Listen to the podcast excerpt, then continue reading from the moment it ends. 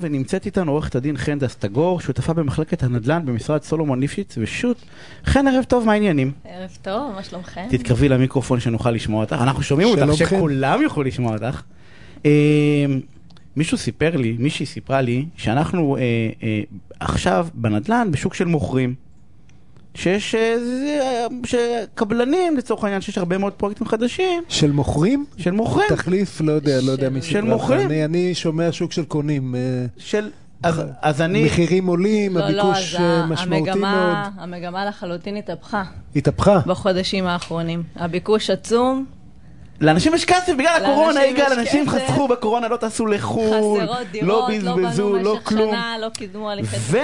והמשמעות של הדבר הזה, זה שקבלנים עלולים לנצל את זה לחוזים אה, מאוד מאוד אה, דרקוניים, אה, או קשים, ואני רוצה שאת תתני לנו, או תתני למאזינים, גם לי, כי אני לא מבין בזה כלום, אה, מה אנחנו צריכים לחפש? כאילו, מה הסעיפים בהסכמים הקבלנים, לא יד שנייה וכאלה, אני הולך היום להסכם, זה בדרך כלל הסכמים של שמוש... הרבה מאוד, זה, יש לי עורך דין, זה בסדר, מוכשר יותר, מוכשר פחות.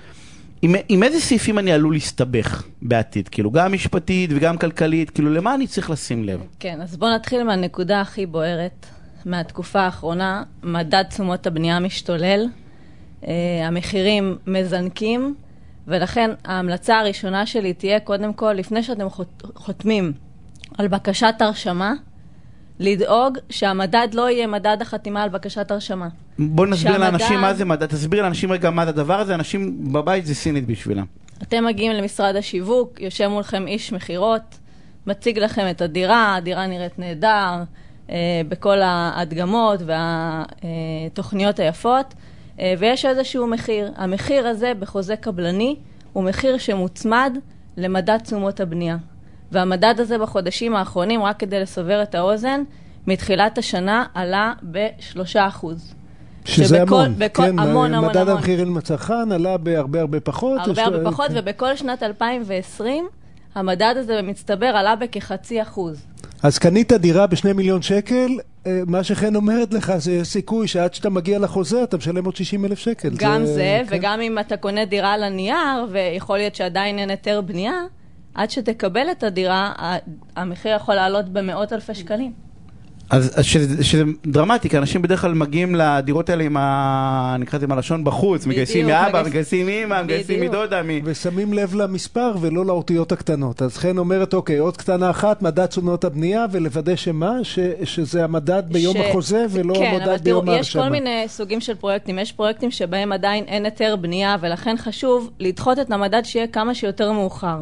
בפרויקט שבו אין היתר בנייה ואין עדיין ליווי בנקאי, ועוד אין פנקסי שוברים כך שאפשר כבר לשלם תשלומים על חשבון התמורה, אה, לדחות את המדד שיהיה המדד המאוחר יותר, אז ולא. מדד... מה- אבל מה לא, אז עוד? רק מה עוד? לחדד. זה לא, אז זה, זה לא, שאנשים לא בבית יגידו אחרי זה אני רוצה את אה, מדד המחירים לצרכן, זה לא הסוגיה. לא, לא, בפרויקטים לבנייה זה זה תמיד, מוצמד, תמיד מדד יופי, תשומות. אבל את. אומרת לא ביום שמוכרים לך את הדירה, אלא ביום שה, ש, שהחוזה, לא ביום שמשווקים לך את הזה בנייר של העמוד וחצי, ומכניסים לך את זה, אלא מתי שאתם חותמים על הכי ההסכם. מאוחר שאתה יכול. הכי לא, מאוחר שאתה יכול, עוד עוד ו- טיפים, עוד טיפים, חן, מה עוד? עכשיו זה חם.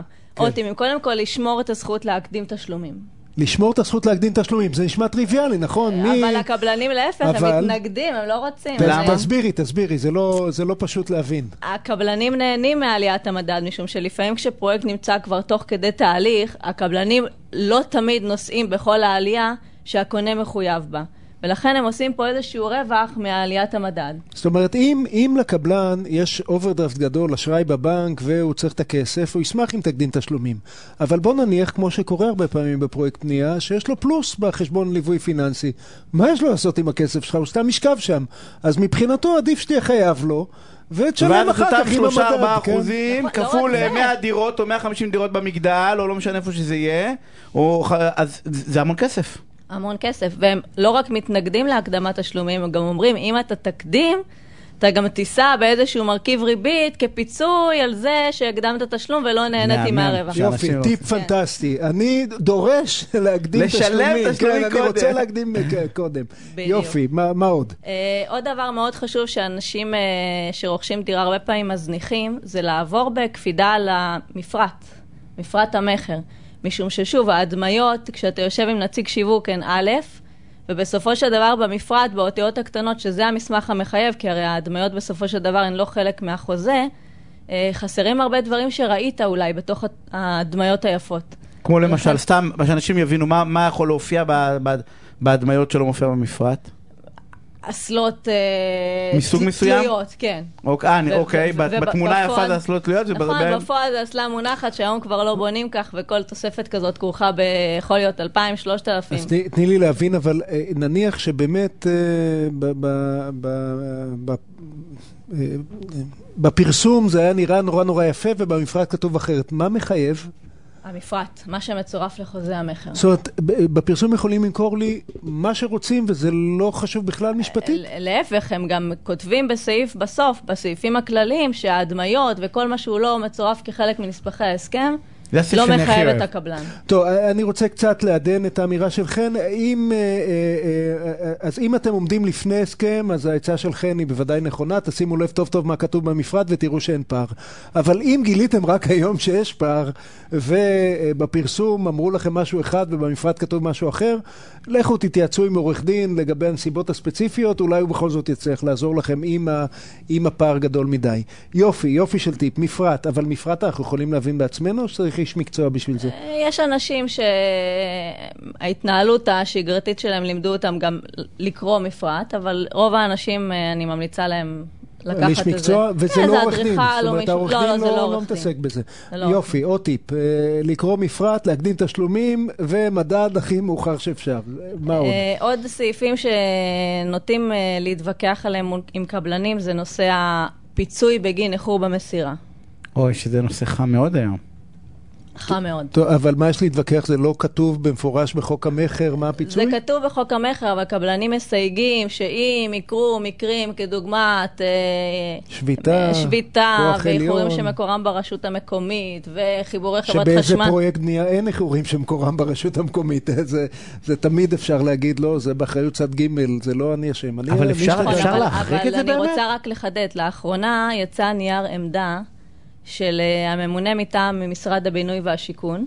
הממונה על ערבויות חוק מכר, כן. הממונה, כן, על uh, כל סעיפי חוק המכר, כן. לא רק הנושא הזה. כן, כן. Uh, והוא בעצם קבע שאי אפשר לסכם במסגרת uh, הסכם מול קבלן, שאיחורים מסוימים כדוגמת איחורים שמקורם ברשות, או חברת חשמל, הם יהיו איחורים שלקבלן אין שליטה עליהם. אז שוב, אם אתם לפני ההסכם, תריבו, תילחמו כמו אריות, כדי שלא יהיה לרעתכם בניגוד למה שכתוב בחוק. אבל אם אתם אחרי ההסכם וכתוב שם ההפך, אז חן אומרת, יש, יש אפשרות להתווכח משפטית ולעשות יותר לטובתכם ממה שכתוב בהסכם. תגידי, אנחנו קרובים לסיום, כל הוויכוחים האלה שאת ממליצה להתווכח, יש בכלל עם מי לדבר, או שהקבלנים אומרים, תראה, מתאים לך תחתום, לא מתאים לך, אז יש עוד קונה. אז שוב, הכל עניין של היצע וביקוש. ברגע שפרויקט מבוקש והקבלן צופה מהצד בלקוח שמגיע עם עורך דין והערות מרובות, יכול להגיד לך, תשמע, אלו הם הדברים שאני מוכן לבוא לקראת, כל היתר רוצה תחתום, לא רוצה אל תחתום, אבל אני תמיד ממליצה לנסות. ובכל מקרה להגיע להסכם עם עיניים פקוחות ולהבין מה המשמעות. לפחות לדעת מה חתמת. בדיוק, לדעת מה חתמת. את מייצגת, את מייצגת הרבה יזמים, קבלנים, אז, אז בואי תספרי קצת, יש מושג כזה שנקרא נספח שינויים, מה, מה זה אומר? מה... נספח שינוי זה נספח שבמסגרתו באים לידי ביטוי כל ההקלות מההסכם master שבעצם רץ לאורך כל הפרויקט. שוב, יש קבלנים שיותר גמישים בתנאים מסחריים, יש כאלה שפחות. תלוי כמה הם צריכים את הכסף. אז בעצם עורך הדין, במשרד עורכי הדין, הרבה פעמים עורך דין זוטר, מקבל איזה שהוא דף הנחיות מהשותף הבכיר, מהלקוח, אומר, תשמע, זה גבולות הגזרה שלך. אתה יכול לנהל את השיחות כמה שאתה רוצה, אבל אל תחרוג מזה. הרבה פעמים יש, נדמה לי שאת לימדת אותי אי שם לפני שנים, אני וחן עבדנו באותו משרד, חן לימדה אותי, רגע, יש איזה דיל כזה. העורך דין של הקבלן יגיד מה גבולות הגזרה, והעורך דין של הלקוח יתחייב לא לבלבל לו את המוח מעבר לגבולות הגזרה, וככה שניהם יהיו מרוצים שהם עשו את הכי טוב שיש. כן, אבל אני, הניסיון לימד אותי שברגע שמגיעים לישורת האחרונה, ועוד רגע חותמים על ההסכם וכבר עברנו כברת דרך וטיוטה יצאה וטיוטה חזרה, בסוף יש עוד איזושהי... תמיד יש. צריך להתעקש, כן, אנחנו כן. חייבים, חייבים לסיים, אבל חייבים להתעקש, או לפחות לדעת שאתה חותם על משהו, שאתה תריב עליו אחר כך, זה גם בסדר. אפשר אחרי זה לבוא להתפשר אצלך יגאל תמיד. אה, עורכת הדין חן סטגור ממשרד סולומון ליפשיץ, ושוב תודה רבה על הפינה הסופר מעניינת תודה הזאתי. רבה.